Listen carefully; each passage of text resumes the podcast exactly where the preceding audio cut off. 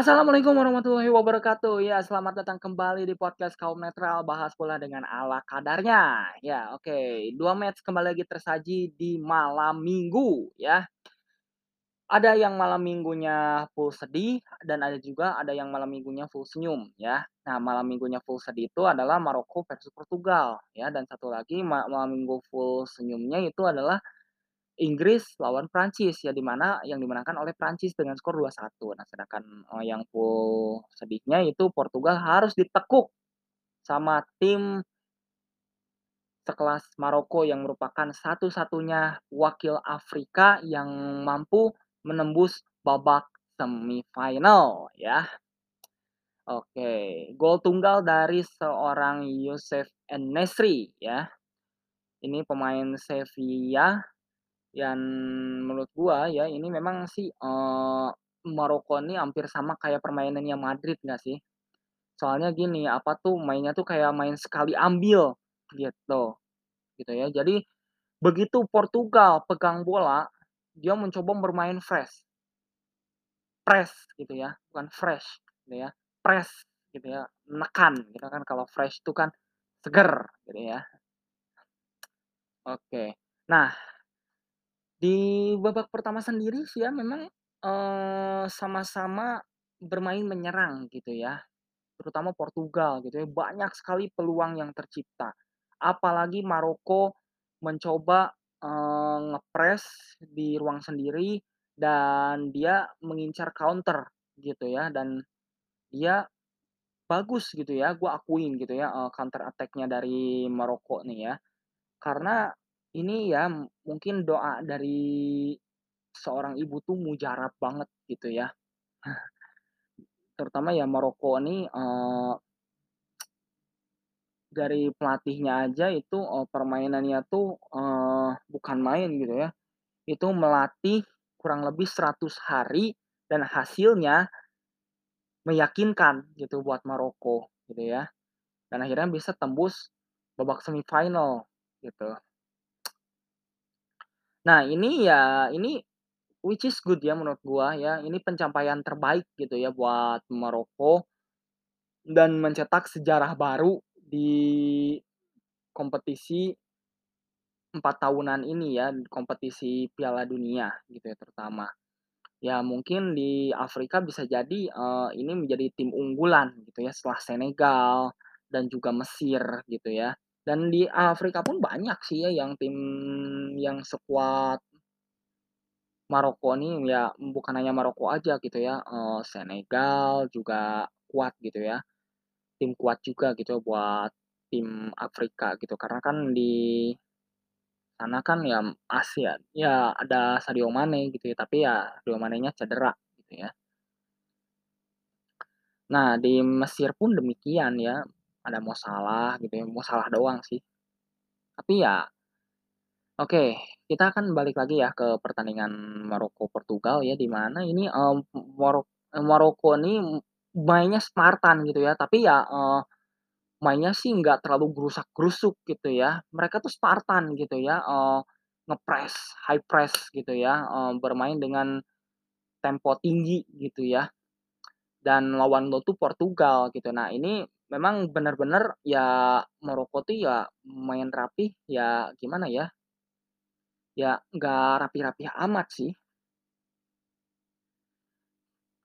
Tapi ya ini memang sih, eee, Maroko ini memang harusnya emang layak menang gitu ya. Karena jujur ya waktu gua waktu nonton bareng ya di salah satu kafe ya, itu waduh yang yang non yang non yang ikut nobar di sana itu tuh pada ngejagoin Maroko semua gitu. Nggak ada yang jagoin Portugal. Ya ada sih yang jagoin Portugal gitu ya, hampir ya hampir keseluruhan, eee, ngunggulin Maroko gitu ya, bukan ke Portugal gitu ya. Ya Portugal mungkin ya empat se 40 sampai 50 persenan lah ya mungkin, eee, sisanya ya Maroko gitu ya. Dan itu pun ya buka bolnya pun bukan jatuh dari langit gitu ya dan memang si En-Nesyri itu, eee, mampu duel dengan Diogo Costa dan Diogo Costa itu, eee, arahnya tuh, eee, berlawanan kayak yang berlawanan gitu nggak sih? Dan hingga akhirnya ya En-Nesyri mampu mencetak gol lewat, eee, sundulan yang sangat apik gitu ya, dan unggul 1-0. Nah, masuk babak kedua. Nah, di babak kedua, Portugal mencoba bermain lebih agresif gitu ya.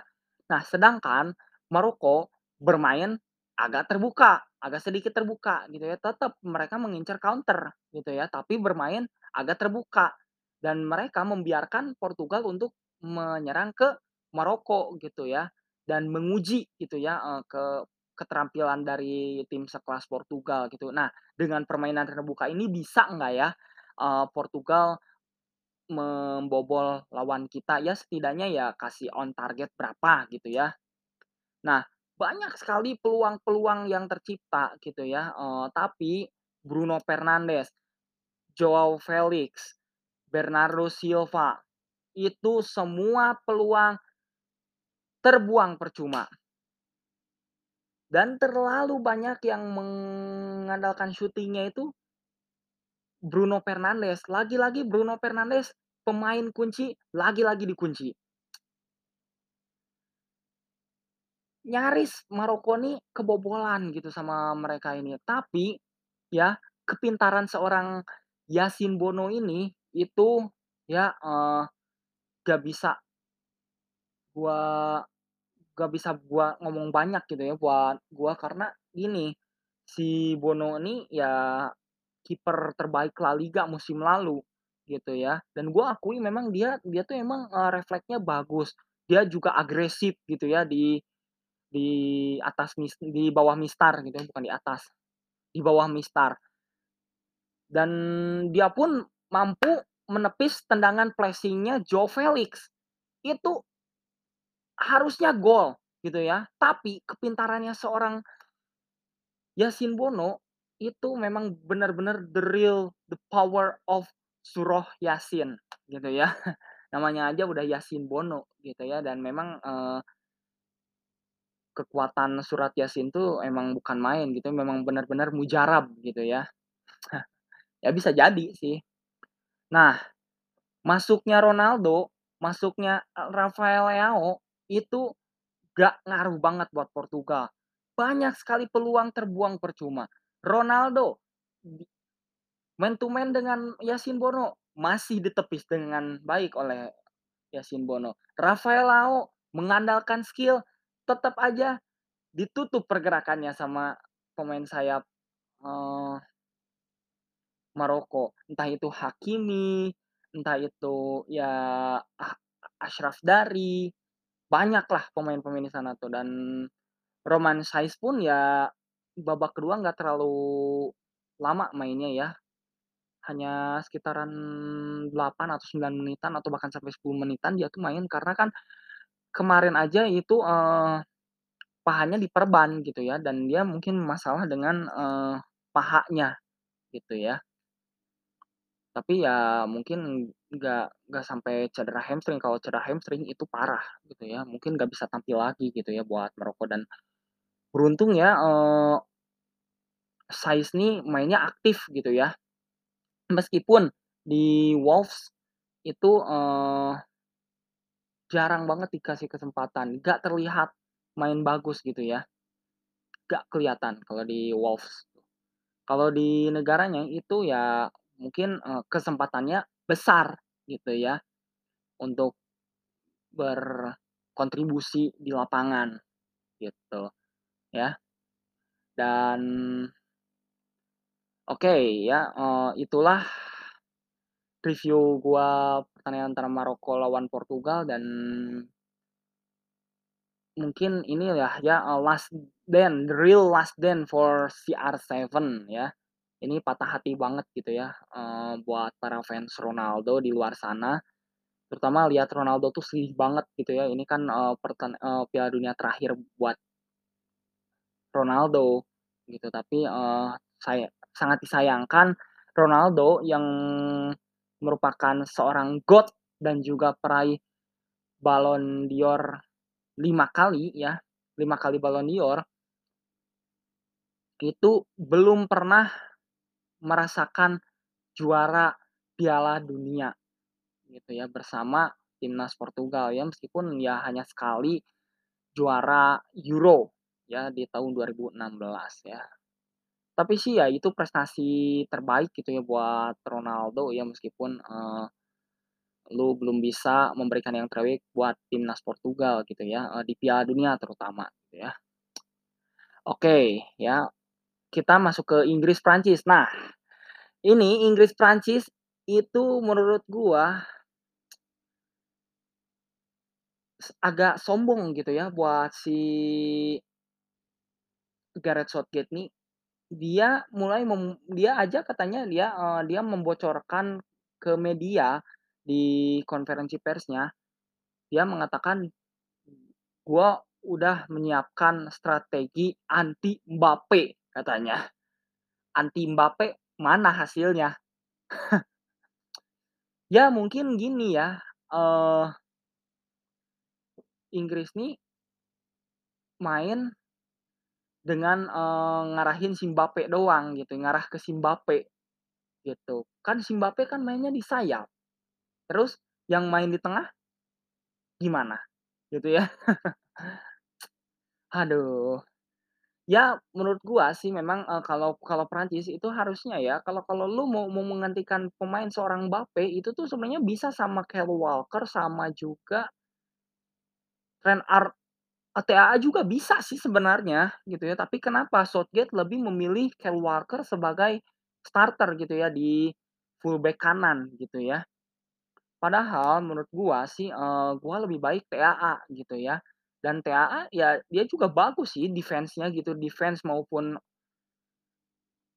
eee, ofensifnya pun juga attacking juga bagus gitu ya. Dan TAA memu mungkin unggulnya dari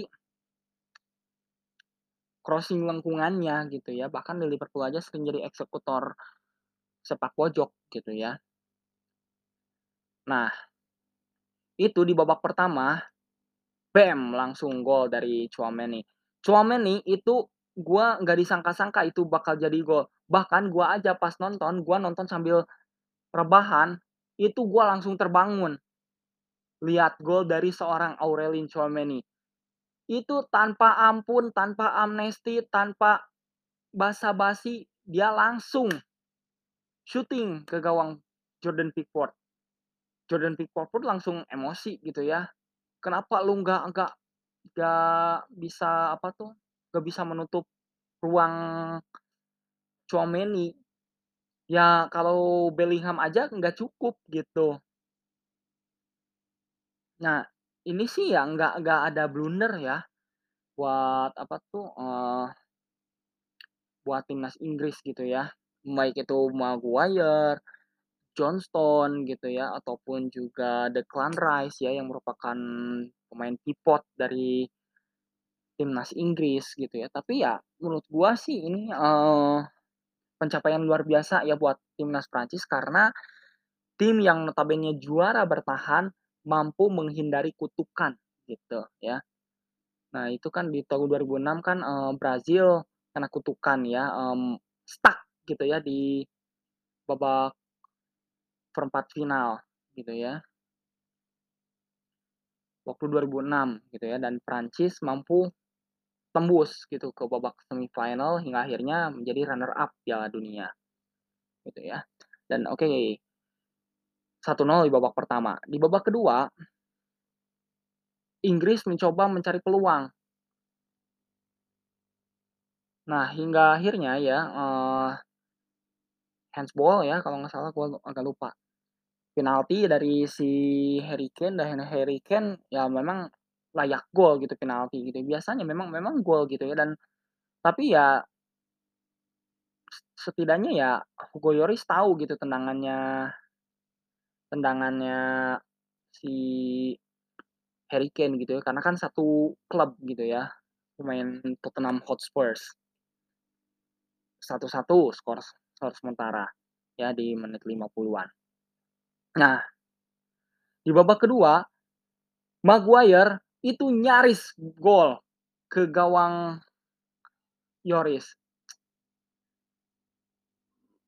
jujur ya, ini sundulnya itu tajam banget gitu ya, lewat ses set piece tendangan bebas dan mengenai Maguire dan biasanya memang Maguire tuh unggul dari dari segi duel bola atas gitu ya. Dan biasanya sering jadi gol gitu ya dan memang faktor luck-nya gitu ya, biasanya faktor luck-nya Maguire itu adalah bola atas gitu ya, bola atas di depan gawang lawan tuh biasanya gol gitu ya. Tapi ini, eee, bolanya masih, eee, belum jodohnya gitu ya, untuk gawang Hugo Lloris gitu ya. Nah, masuk di menit 70, mene menit 70 Prancis pun ikut bermain menekan gitu ya. Tapi ya dia nggak terikuti gitu ya, tidak, eee, tidak tidak ke bawah suasana gitu sama Inggris gitu ya. Tapi Prancis mencoba bermain dengan, eee, attractive football dan mengandalkan second line gitu ya. Nah, Giroud pertama pe peluang pertama itu gaga itu masih ditepis sama Pickford. Nah, peluang kedua berawal dari set set piece dari corner kick, itu masih ditepis sama pemain Inggris dan masih ada Theo Hernandez kalau nggak salah umpan ke Griezmann dan Griezmann merupakan pemain yang notabene bermain sebagai pemain nomor 10, dia memiliki umpan silang yang sangat akurat ke arah gawang Inggris hingga akhirnya bam! Oliver Giroud unggul, cetak gol. Prancis unggul 2-1. Nah permainan semakin sengit ya di menit 80. Di menit 80 Inggris kembali lagi dapat penalti, tapi sangat disayangkan, itu penalti malah terbang dari gawang ke ke gawang ke gawang Hugo Lloris. Itu gua gua nggak habis pikir gitu ya tendangan Harry Kane kenapa ini ada apa gitu ya tendangan Harry Kane kan nggak biasanya tendangan penalti sampai ke atas gitu. Dan se sejatinya sih menurut gua ya, eee, pelanggarannya si Theo Hernandez terhadap si Mason Mount itu sih nggak perlu lihat VAR aja udah cukup gitu menurut gua, ya. Udah udah cukup gitu, udah cukup ke eee, kasih hukuman aja buat Inggris gitu ya. Hukuman aja, penalti gitu. Tapi ya mungkin hanya memastikan gitu ya, apa apa itu benar-benar pelanggaran atau bukan, gitu. Tapi ya ini langkah baik gitu ya buat Prancis dan bisa jadi, eee, Prancis, eee, mencetak sejarah baru yaitu juara back to back gitu ya Piala Dunia. Tapi masih ada kompetitor lain gitu ya, eee, nanti kalau lo misalkan lolos ya di babak semifinal itu, me menang lawan Maroko, itu an bisa jadi kamu ketemu antara Argentina atau bisa jadi lo ketemu lagi sama lawan final lo di Piala Dunia sebelumnya, yaitu Kroasia. Bisa jadi itu Prancis-Kroasia jilid kedua gitu ya. Kita akan lihat nanti ya, eee, keseruan semifinal nanti, siapa yang mampu menjadi grand finalist Piala Dunia Qatar 2022. Apakah Argentina versus Kroasia di antara pertandingan tersebut ataukah justru di antara Prancis, Maroko? Kira-kira yang menjadi yang terbaik di antara semifinalis tersebut. Oke, itu aja dulu ya untuk review ala kadar dari gua antara Maroko versus Portugal dan juga Inggris versus Prancis ya. Dan sampai ketemu lagi di episode berikutnya di podcast Kaum Netral Bahas Bola dengan ala kadarnya. Wassalamualaikum warahmatullahi wabarakatuh. Thanks for listening.